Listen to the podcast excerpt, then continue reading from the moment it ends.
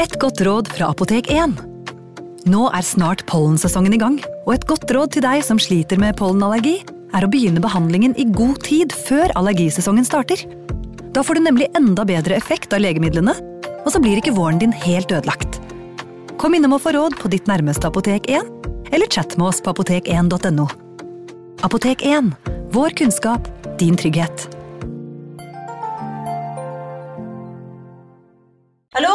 Jeg kommer fra Oslo politikammer. Ine Jansen er purk. Er du purk? The motherfucking bitch. Alt jeg vil, er å finne ut hva som skjedde med mannen min. Jon Carew. Er jeg sikta for noe? Iben Akeli. Det er du. Ole So, Lars Berrum og Big Daddy Karsten. Hvem sin side er du på, egentlig? Anette Hoff, Tone Danielsen, Kommer du fra Afrika? Jørnis Josef, Nesten kløfta. Trond Espen Seim, Det er synd å si det, men det var feil mann som døde. Purk. Premiere tirsdag på TV2 Play. Ungsamtalen fra DNB er økonomisk veiledning tilpasset deg som er ung. Bokk en ungsamtale på dnb.no. slash ung. Det er kjempebra hvis du skal inn på boligmarkedet, hvis det er drømmen din, liksom. Det er det du skulle sagt. Og så kunne du ropt litt mer, da, sånn som jeg gjorde. Bam! Advarsel. Denne podkasten inneholder skildringer av ekte drap og kriminalsaker som kan være støtende for enkelte. Det advares også mot sterke inntrykk i deler av episoden. Det var allerede en travel kveld på sykehuset i Deer Park, Texas den 31. oktober 1974. Det var halloween-kvelden, og det bød alltid på ekstra arbeid for leger og sykepleiere. Barn og ungdom i alle aldre vandret alene gjennom gatene, noen i grupper, andre for seg selv, og det var ikke alltid en like uskyldig opplevelse for alle. Den kvelden hadde sykehuspersonalet fått bryne seg på en rekke småskader. Barn i brennbare kostymer hadde kommet inn etter et ublidt møte med gresskarlykter. Andre hadde ramlet og slått seg stygt fordi de bar masker og ikke så veien framfor seg. Det var sjelden de helt store, alvorlige skadene. Likevel utgjorde det en forskjell når legene og sykepleierne i tillegg hadde sine vanlige pasienter å se til også. Det hadde roet seg litt rundt klokken halv elleve, og flere av sykepleierne hadde rukket å sette seg ned et øyeblikk. Det var helt til det kom inn en melding om at en ambulanse var på vei med en ny pasient. En liten gruppe sykepleiere fant veien til akutten mens de ventet på ambulansen. Den kom noen minutter senere, farende nedover veien, og svingte opp mot døren. Da de store bakdørene på bilen ble åpnet, fikk sykepleierne se at det var en liten gutt som lå på båren. Åtte år gamle Timothy O'Brien lå urørlig med oppkast nedover hele den ellers så rene pysjamasen. Da gutten ble rullet inn på sykehuset, innså sykepleierne snart at det ikke var noe håp. Timothy var allerede død. Rundt gutten oste en eim av råtne mandler, som for sykepleierne bare kunne bety én ting. Åtteåringen hadde ikke satt en godteribit i halsen, eller blitt syk av influensa. Han var blitt forgiftet med det de bare kunne gjette var cyanid. Velkommen til True Crime Podden.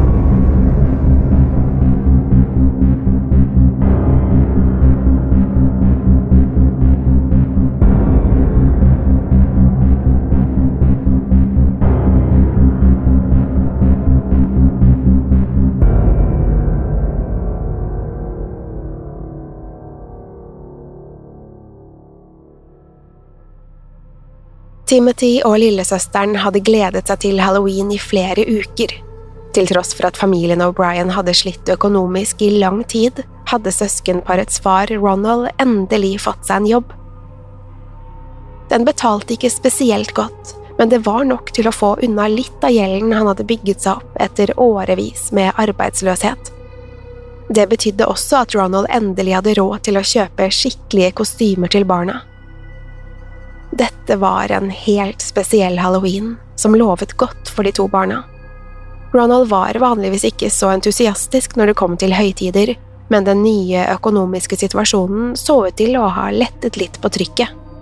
Vanligvis ville han ikke følge barna sine på knask eller knep rundt om i byen, men dette året var det annerledes.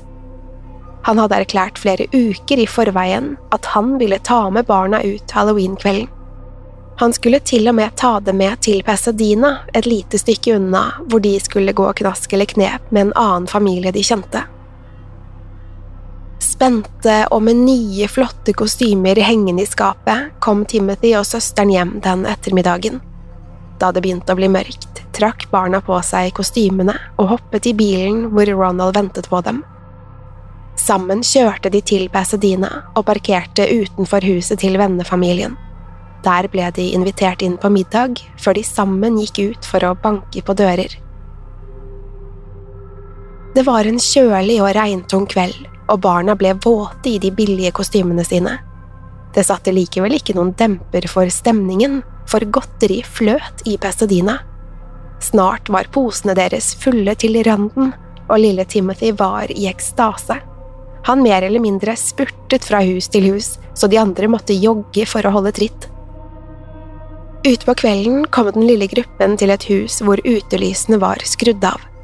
Dette var vanligvis et tegn til barn om at husene ikke ønsket besøk, men gruppen bestemte seg for å prøve lykken likevel. Da ingen kom for å åpne, begynte barna å gå videre, men Rollald sa han ville vente litt og se om noen var hjemme. Imens ba han resten av gruppen gå i forveien. Noen minutter senere kom Ronald joggende opp bak Timothy og det så virkelig ut til at han hadde vunnet førstepremien. I hånden bar han fem digre Pixie Sticks. De store, rørformede godteriene med sitt sukrete pulver inni var en favoritt blant barna. Vanligvis kom Pixie Sticks i mindre pakker, på størrelse med sugerør, men de Ronald hadde fått tak i, var enorme, som underarmen på en voksen mann. Barna jublet over Ronalds fangst, akkurat idet regnværet tok seg opp. Det var som himmelen åpnet seg, og snart var barna så våte at de var nødt til å kaste inn håndklærne. Med posene fulle av godteri vandret de hjemover. På veien ga Ronald en av pixie-sticksene til et tilfeldig barn på gaten. Han hadde fem av dem, men det var bare fire barn i hans gruppe. Lykkelig forsvant gutten nedover gaten, mens Ronald og barna klampet inn i huset. Etter at barna hadde fått telt opp fangsten sin, satte Timothy og søsteren seg i farens bil, og sammen kjørte de hjem til Deer Park. Barna var utslitte etter kvelden, så Ronald hadde ikke noe problem med å legge dem, selv på egen hånd, ettersom barnas mor var ute med venner. Likevel hadde Timothy én ting han ville gjøre før han pustet tennene. Han ville ha en smak av den digre pixie-sticksen før han sovnet. Timothy satt og dinglet med bena på sengekanten mens Ronald klippet av toppen av røret og ga det til sønnen. Så helte åtteåringen i seg en hel munnfull av det sukkersøte pulveret. Ronald sto spent og ventet på at sønnen skulle bryte ut i et smil, men i stedet ble ansiktet hans forvridd, og tårer vellet opp i øynene hans. Det var ikke søtt i det hele tatt, men bittert og surt Ronald løp straks til kjøkkenet og helte i et glass saft som Timothy kunne svelge pulveret med, men da han kom tilbake, fikk han se at sønnen allerede var blitt fryktelig dårlig. Så snart Timothy hadde tatt en slurk av saften, løp han mot badet hvor han begynte å brekke seg og kaste opp. Ronald ante ikke hva han skulle gjøre. Han holdt om sønnen mens den lille gutten kastet opp over hele badet. Så ble alt verre. Lille Timothys kropp begynte å rykke til i Ronalds armer, mens hvitt skum formet seg i munnvikene. Snart klarte nesten ikke Ronald å holde fast i sønnen lenger på grunn av den voldsomme ristingen. Ronald hadde ikke noe annet valg enn å ringe etter en ambulanse. Den store bilen var der kort tid senere og fikk lagt Timothy over på en båre, men da var det allerede for sent. Under en time etter at Pixie Stixon hadde berørt åtteåringens tunge, var han død.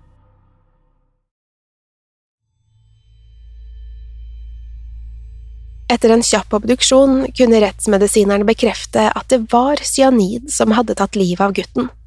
Det var heller ingen tvil om at giften måtte ha kommet fra Pixie-Stixen. Det var etter at han hadde spist den at kvalmen og krampene kom, og Timothy hadde jo påstått at den smakte bittert. Politiet ankom sykehuset og begynte straks å spørre ut Ronald om hvor han hadde fått tak i godteriet. Det skulle ta flere runder med spørsmål før Ronald endelig fikk frem at han hadde fått det av en ukjent mann i det mørke huset. Ronald fortalte også at det hadde vært fem rør, noe som fikk politiet til å reagere. Timothys godteri var bare én av fem pixiesticks der ute som potensielt kunne inneholde cyanid. Patruljer ble straks sendt ut over hele området for å lete etter godteriet. De banket på dører og fortalte at det hadde vært giftig godteri i byen, og ba om å få se gjennom barnas poser. Det skulle ikke ta lang tid før de fant de resterende fire Pixie-sticksene. Én var hos Timothys søster, to hos barna til familien de hadde gått knask eller knep med, og den siste ble funnet i hånden på gutten Ronald hadde gitt den til. Heldigvis hadde ingen av de andre barna åpnet pakkene sine ennå, så politiet konfiskerte godteriet med det samme. Det var da de oppdaget noe merkelig. Pixie Sticks-innpakninger var som regel forseglet med lim, men de fem Ronald hadde fått tak i, var blitt stiftet igjen. Altså var de blitt åpnet og forseglet igjen, sannsynligvis av den som hadde forgiftet dem. Da godteriet ble testet, fant politiet ut at samtlige var blitt forgiftet. Det øverste laget i hvert rør var blitt byttet ut med cyanid. Det var ikke snakk om små mengder heller. Politiet konkluderte med at mengden cyanid i hvert rør var nok til å ta livet av to eller tre voksne menn. Timothy hadde altså ikke hatt en sjans. Så snart cyaniden traff leppene hans, hadde han vært dødsdømt. Neste morgen begynte nyheten om lille Timothys død å spre seg gjennom hele Texas. Folks verste mareritt var blitt virkelighet.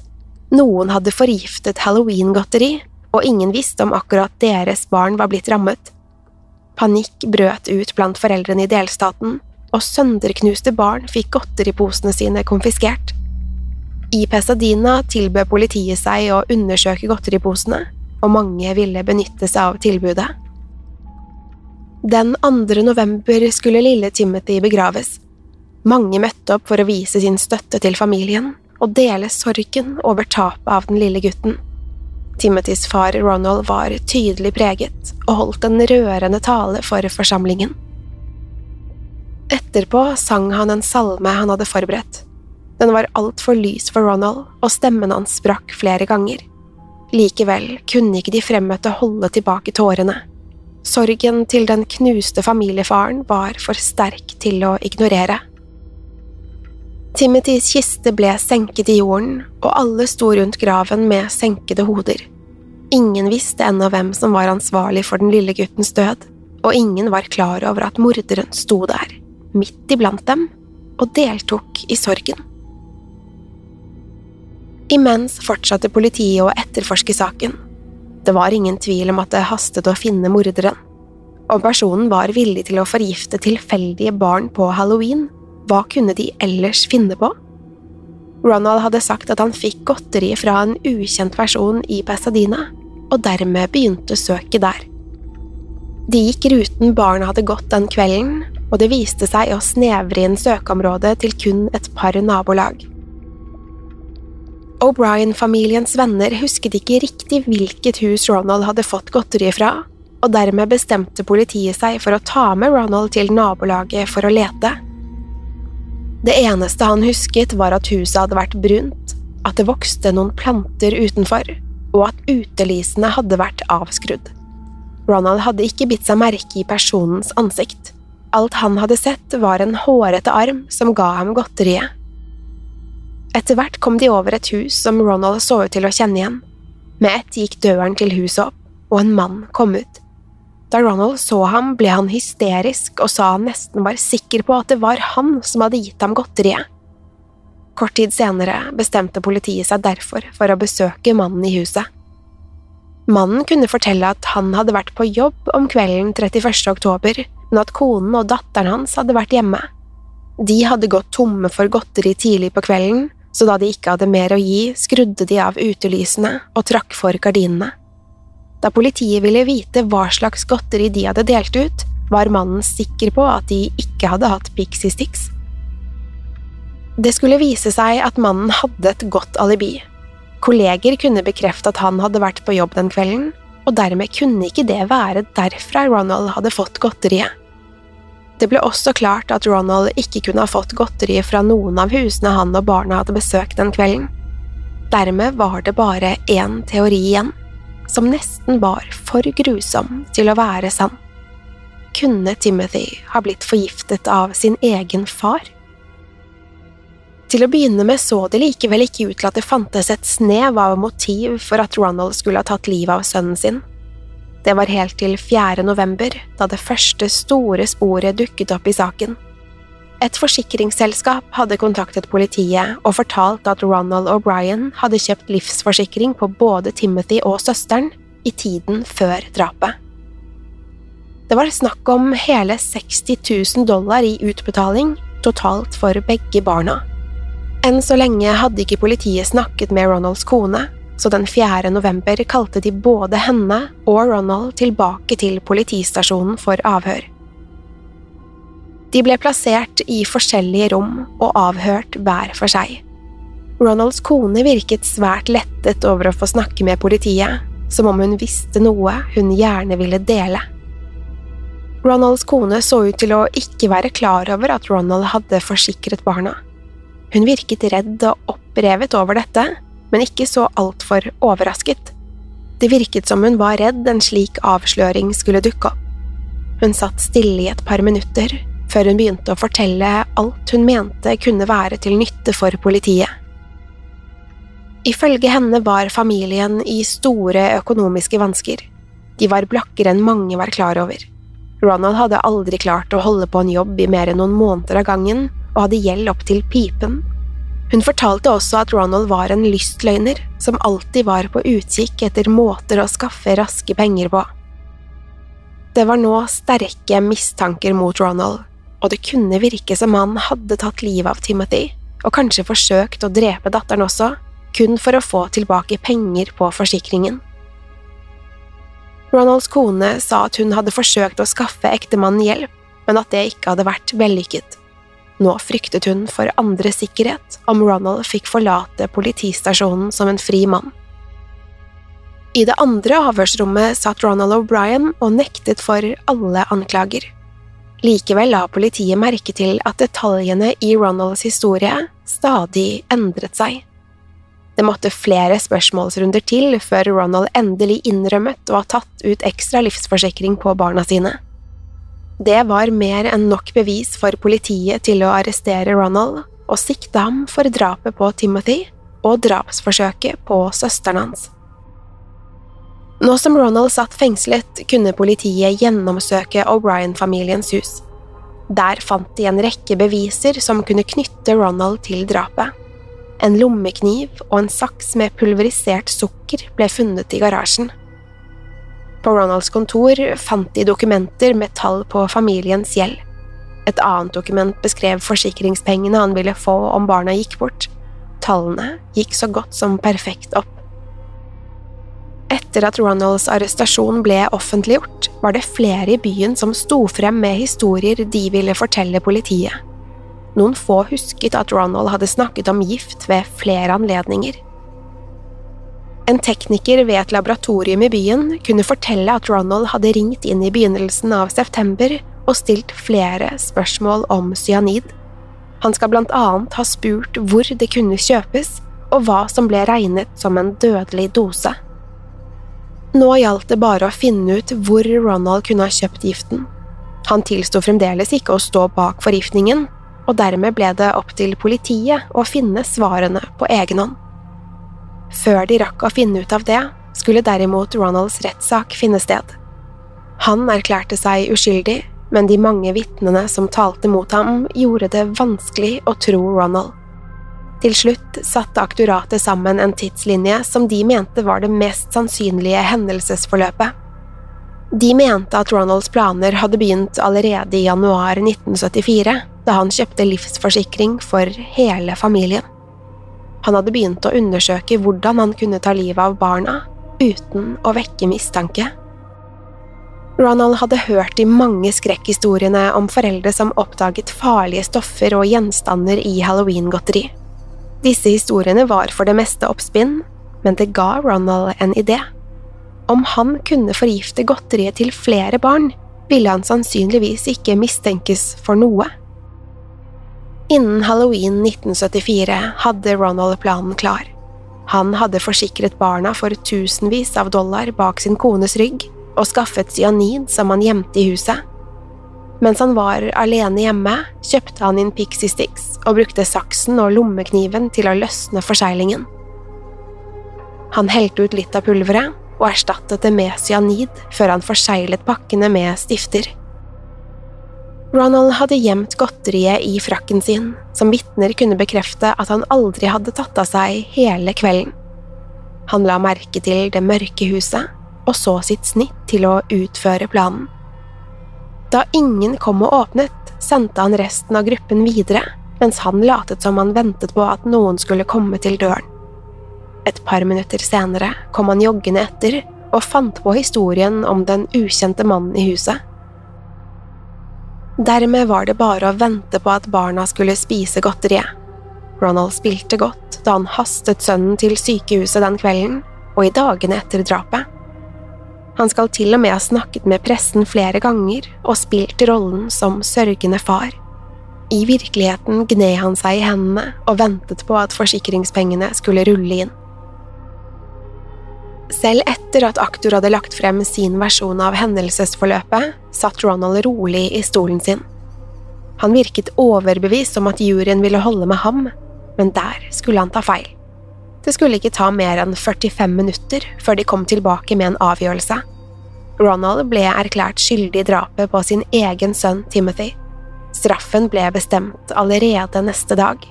Ronald skulle dømmes til døden. Etter det mistet Ronald alt. Han ble sendt tilbake til fengsel for å vente på henrettelsen. I mellomtiden gikk konen hans fra ham og tok datteren med seg i prosessen. Ronald hadde ingen støttespiller igjen, og satt alene og forlatt i en celle i nærmere ti år før dagen for henrettelsen kom. Innen den tid skulle han få tilnavnet Candyman av sine medfanger. Til tross for det skulle Ronald aldri innrømme å stå bak det grusomme drapet på Timothy. Han mente selv han var uskyldig, helt til siste slutt, og slutten skulle komme på det mange ville kalle rettferdig vis.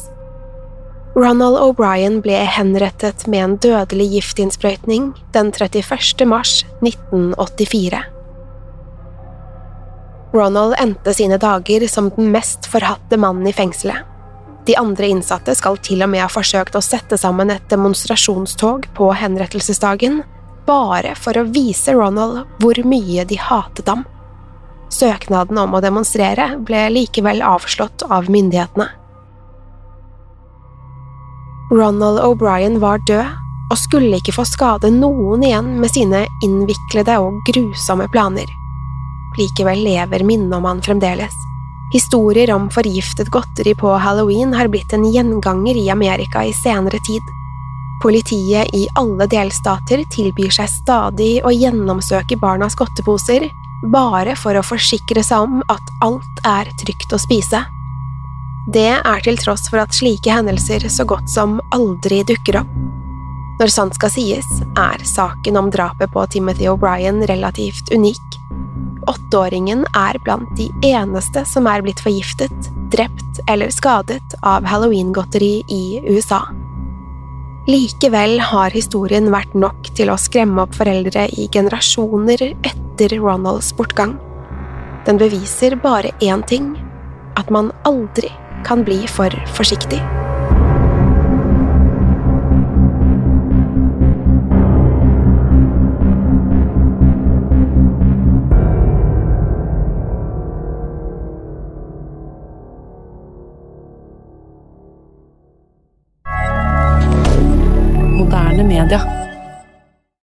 Har du et enkeltpersonforetak eller en liten bedrift? Da er du sikkert lei av å høre meg snakke om hvor enkelt det er med kvitteringer og bilag i fiken, så vi eh, gir oss her, vi.